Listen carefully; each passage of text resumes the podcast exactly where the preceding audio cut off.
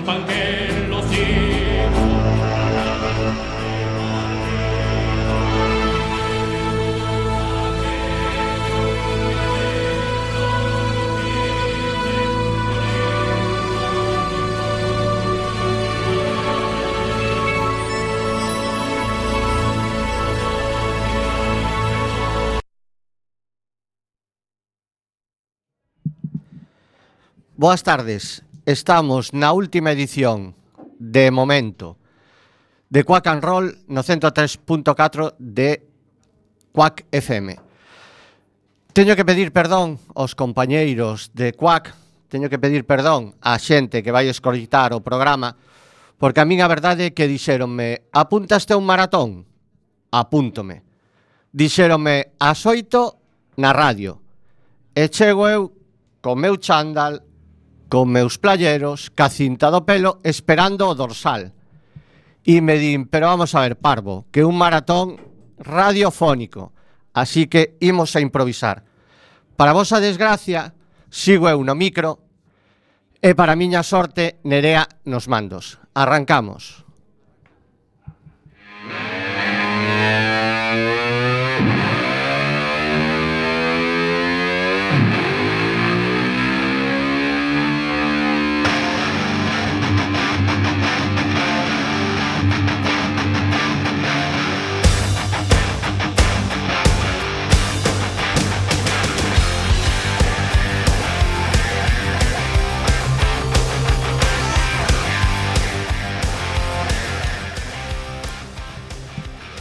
Bien, como comentaba al principio, este va a ser un programa más eh, informal, va a ser eh, otro tipo de programa, no en el formato habitual.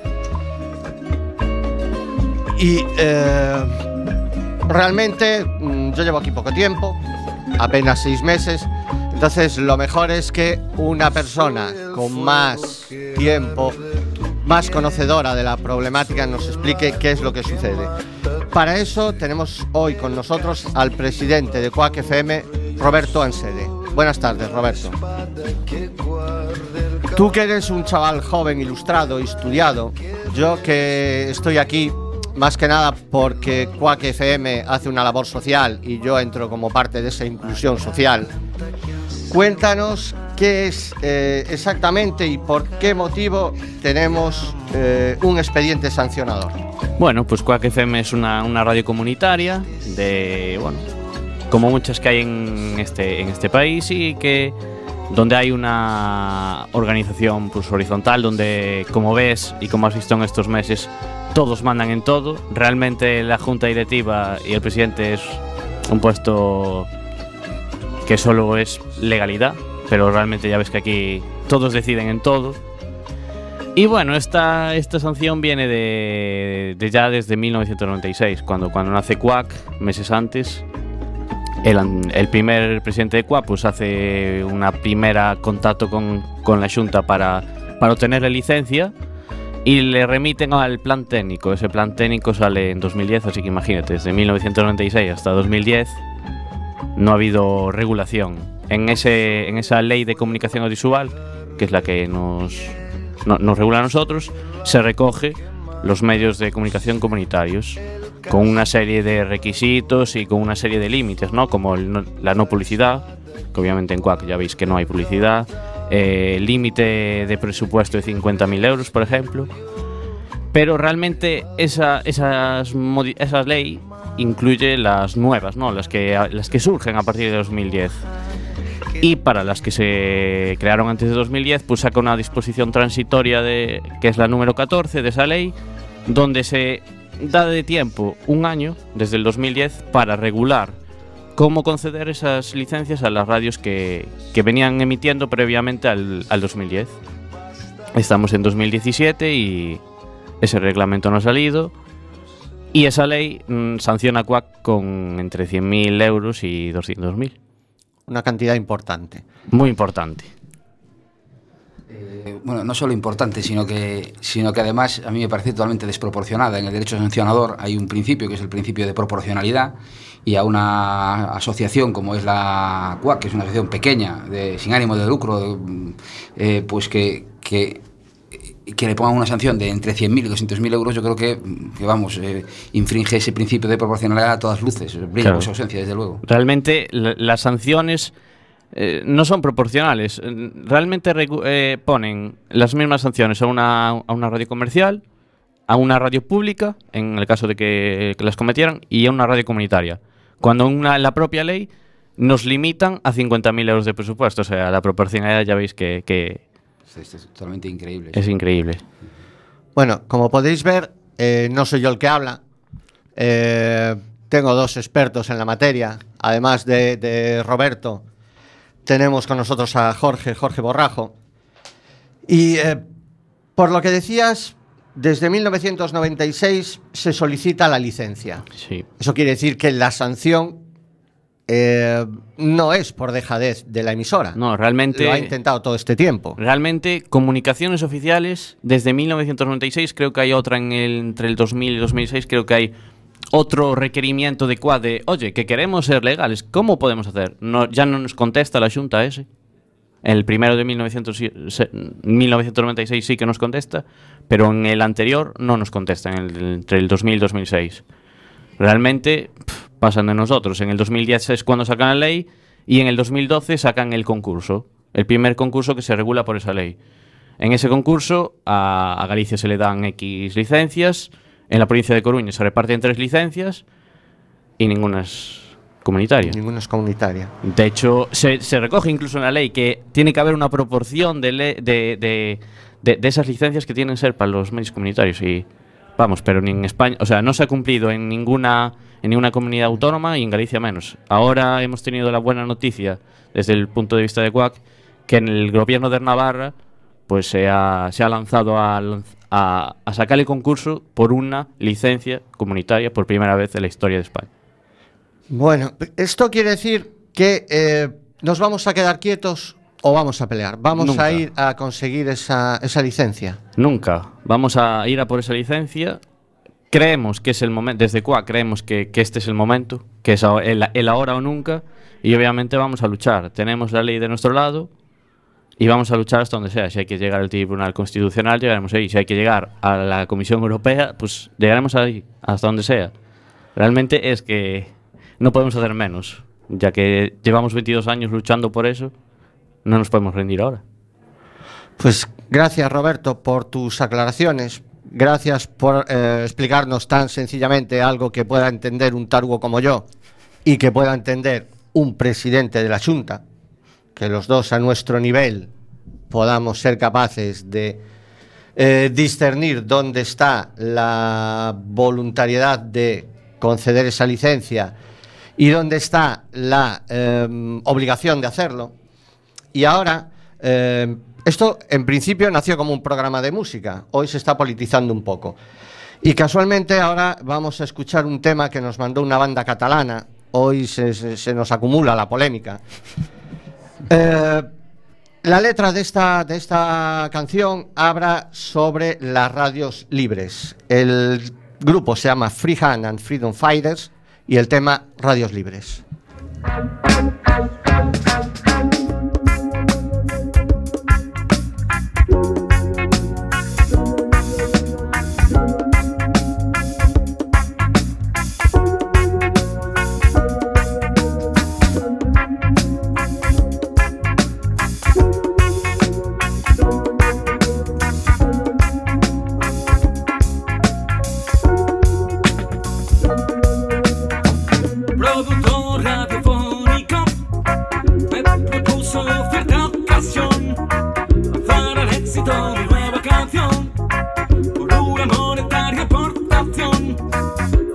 sola da gara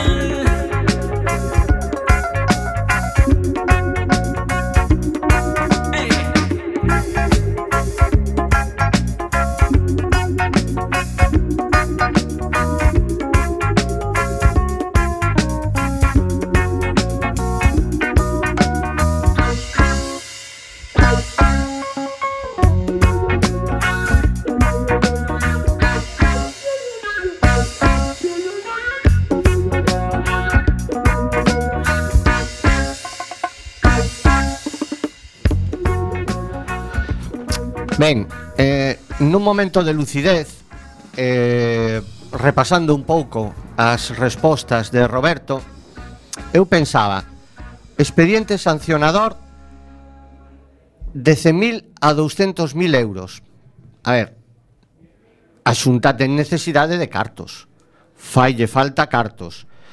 Entón eh, claro, aí hai moita xente traballando moitísima xente de Dios traballando todo o mundo quere cobrar uns en nómina, outros en sobre, pero aí todo o mundo quere cobrar. Ah, por certo, os que estades escoitando o programa, eh, espero que o fagades ou ben na casa, no salón, na cociña, na cama, no bar, cos amigos tomando unha cervexa, pero que non se vos ocurra facelo sachando as patacas na leira do veciño nin recollendo as mazás, porque xa sabedes que se pode presentar a inspección de traballo cunha parella da Guardia Civil e a outra sanción é que a Xunta falle falta cartos. E eu me pregunto, os conselleiros, me imagino que conselleiro é o que ten que aceptar un consello, eh, eh, lles daría dúas ideas. Primeiro, si fan falta cartos, que recollan eles as patacas, que recollan elas, eles as mazás e que cobren un xornal, como todo Dios. E segundo, se fan falta cartos, por que non se lle cobra o IBI á Igrexa? Eh, xa sabemos que tampouco moitos cartos, a Igrexa non é que teña moitas posesións, pero igual para chegar ata, ata fin de mes eh, daba os cartos do, da recaudación do IBI. Agora vai a sonar un tema de Mick Jagger, o título do tema é Radio Control, por si nos está escoitando Alberto, que non sei se si O señor Feijóo, con dúas os, escoita a Coac FM. O tema, repito, é radio control, non control da radio.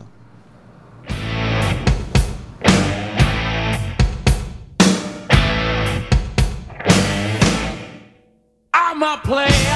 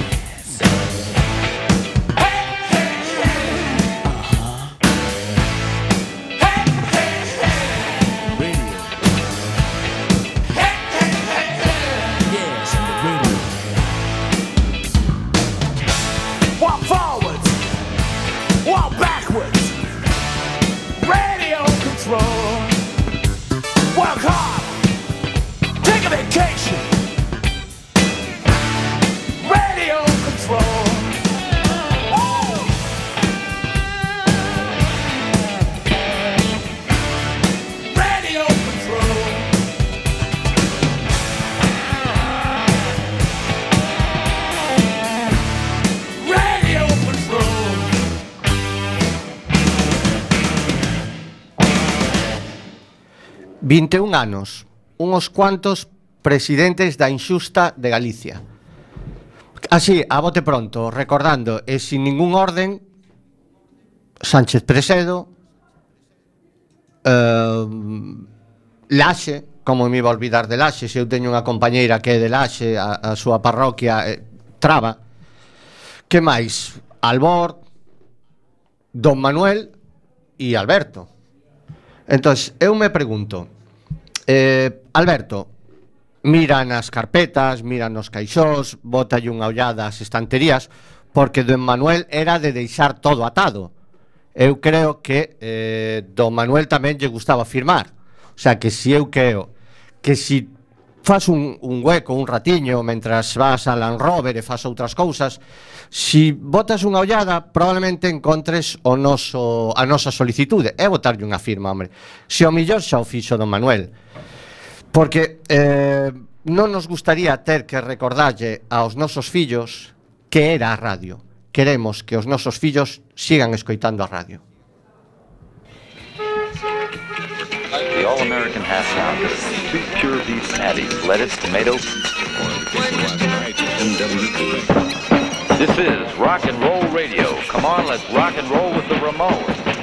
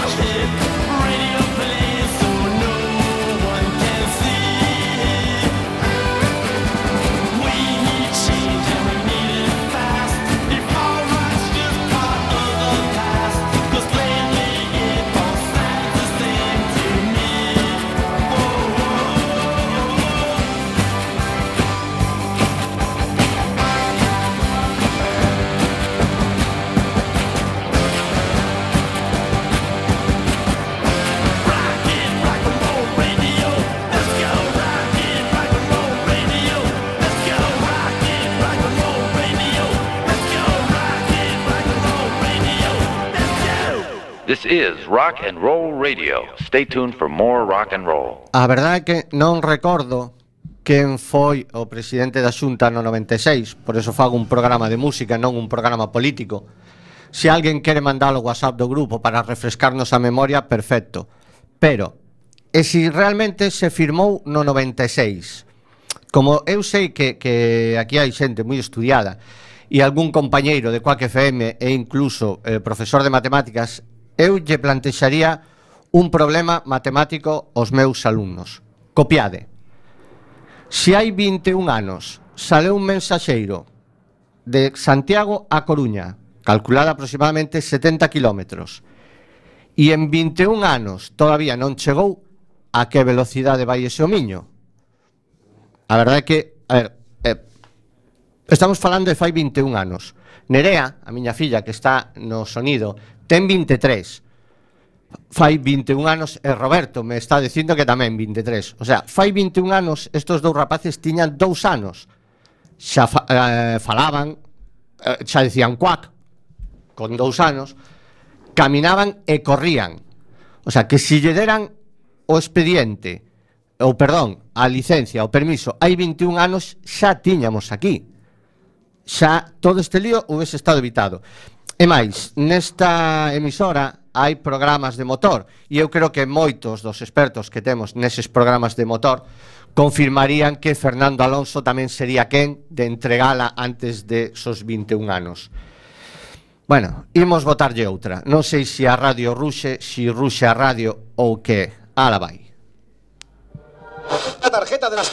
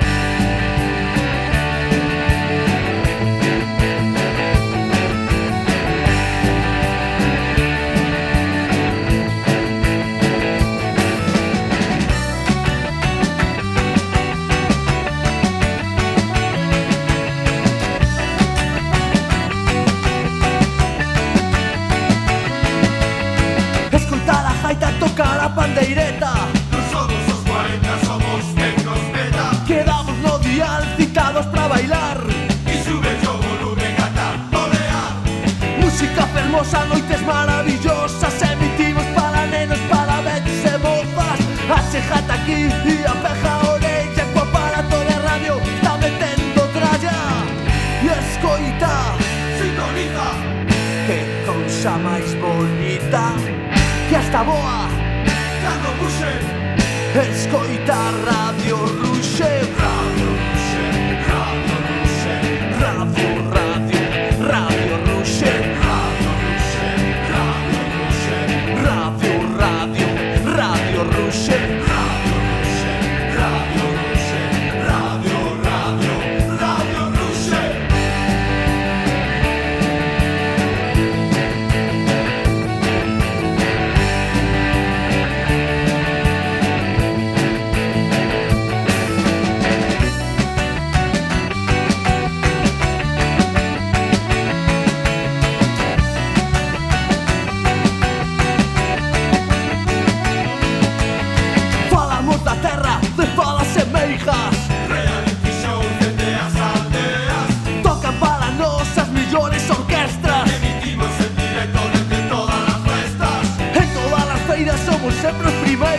o medio máis oído polos taberneiros. Somos o canal máis dicharacheiro.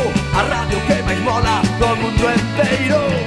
Escoita, sintoniza Que cousa máis bonita. Que hasta boa, cando muse Escoita Radio Ruxe. Radio Ruxe.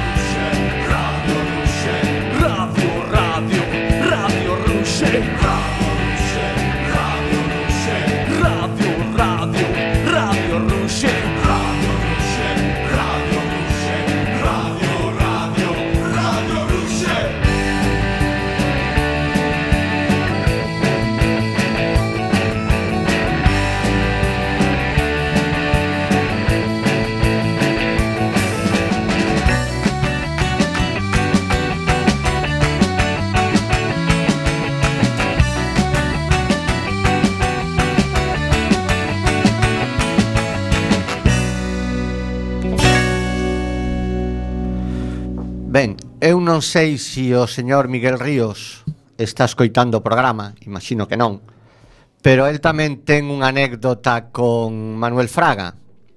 Espero que non sexa esa imaxen de Fraga medio en gallumbos na playa de... Pa bueno, perdón, borrade esa imaxen da cabeza.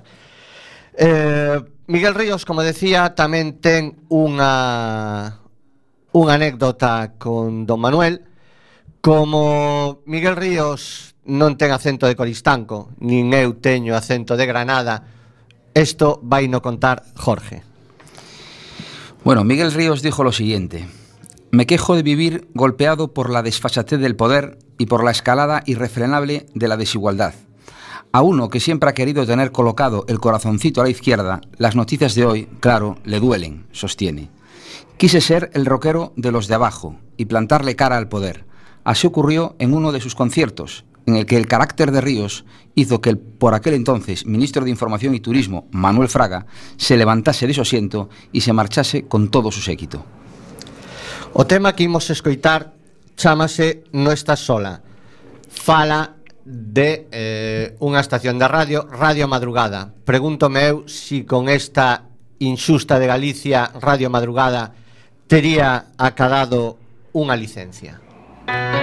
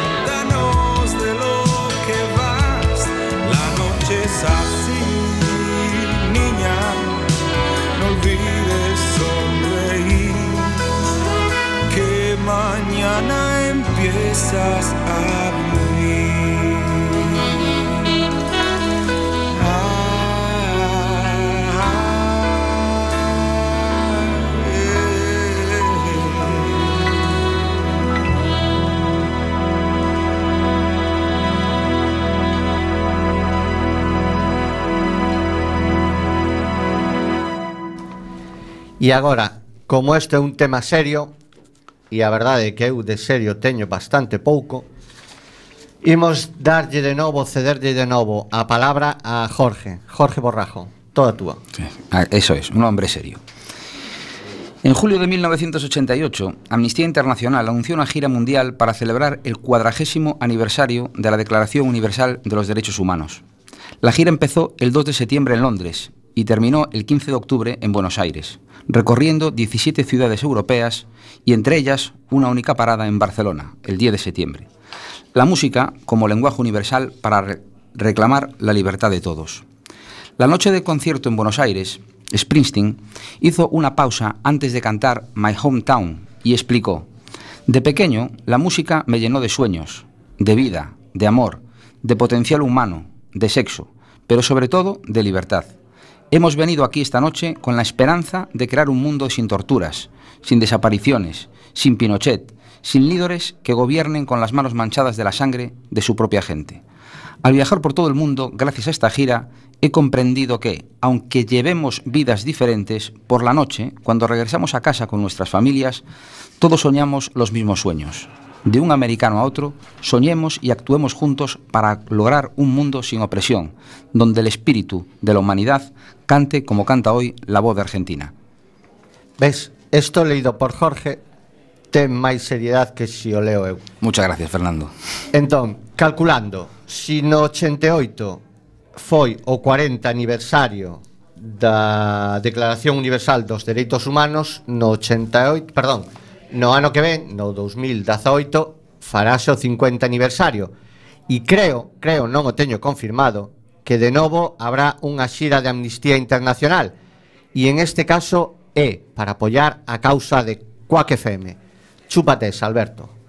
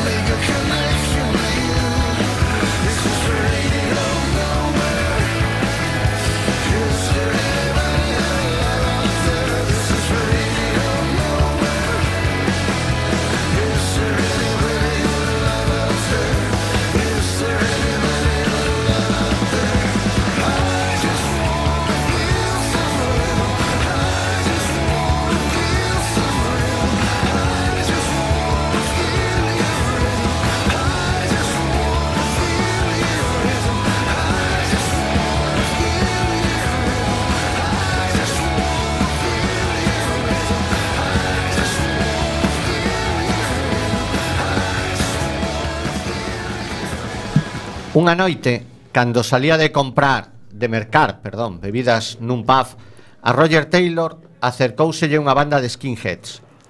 O reciente movimento dos skinheads amenazaba a todos aqueles que non lle gustaban, en especial os hippies.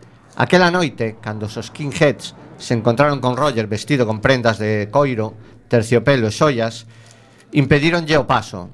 Roger sacou un carné e lle dixo que tiña eh, acalado o cinturón negro de judo e que a lei exixíalle que o dixera tres veces antes de poñerse a pegarlles. Dou os tres avisos e o deixaron pasar.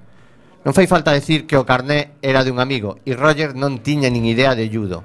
Nos non imos avisar tres veces. As hostias comenzan xa.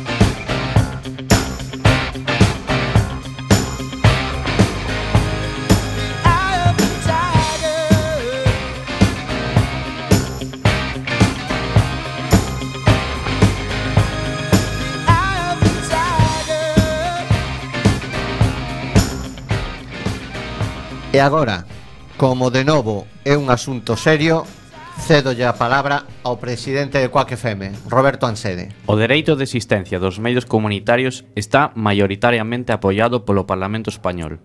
Tal apoio manifestouse coa aprobación de todos os partidos políticos, excepto un que ten unha gaibota aí no logo, dunha proposición non de lei presentada o pasado 21 de xuño de 2017 na Comisión de Enerxía, Turismo e Axenda Digital do Congreso dos Deputados. Dita proposición non de lei insta ao Goberno do Estado a regular el otorgamiento de autorizaciones temporales a servicios de comunicación comunitarios radiofónicos y televisivos que estuvieran en funcionamiento con anterioridad al 1 de enero de 2009. E como isto é unha tolemia, se si antes falábamos de Roger Taylor e puxemos un tema de Survivor, pois agora poñemos a Queen.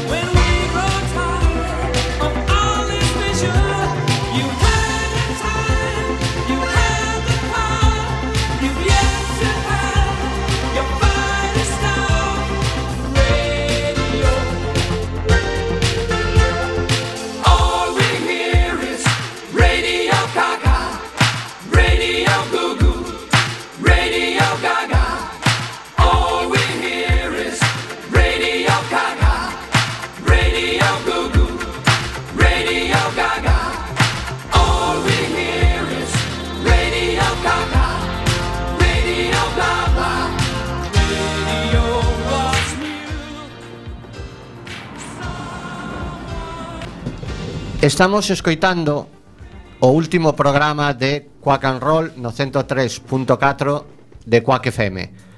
Último programa nun tempo, porque estou seguro que imos volver e que nos ides a poder seguir escoitando a través da radio. Por suposto, imos seguir online. Nos tampouco imos ceder na batalla. Imos loitar, porque o 28 de setembro do 2017 a Asamblea Xeral de socios e socias do colectivo de universitarios activos decidiu cesar as súas emisións en frecuencia modulada ata que se resolva esta situación. Máis mantendo a súa actividade en internet tanto en streaming como en podcasting. Aprobou tamén desenvolver nas vindeiras datas unha estrategia de defensa do dereito e comunicar da cidadanía tanto no eido xurídico como no político e no social. Para o cal, mobilizará todos os seus recursos materiais e humanos, na convinción de que é o único xeito efectivo de defender os dereitos humanos e a través do seu exercizo. Finalmente, Coac FM quere facer un agradecemento a todas as persoas e institución que nos apoiaron durante estes anos e con seguridade seguirán apoiándonos no futuro, con especial mención á Universidade da Coruña, Facemos, por último, un chamado a todos os agentes sociais, colectivos, asociacións e persoas individuais para que nos axuden a defender o seu dereito a unha comunicación libre, democrática e plural. Hoxe coa que feme, mañá poderá ser calquer outro espazo, espazo de comunicación social. Quen teña honra, que nos sigan. Ata logo.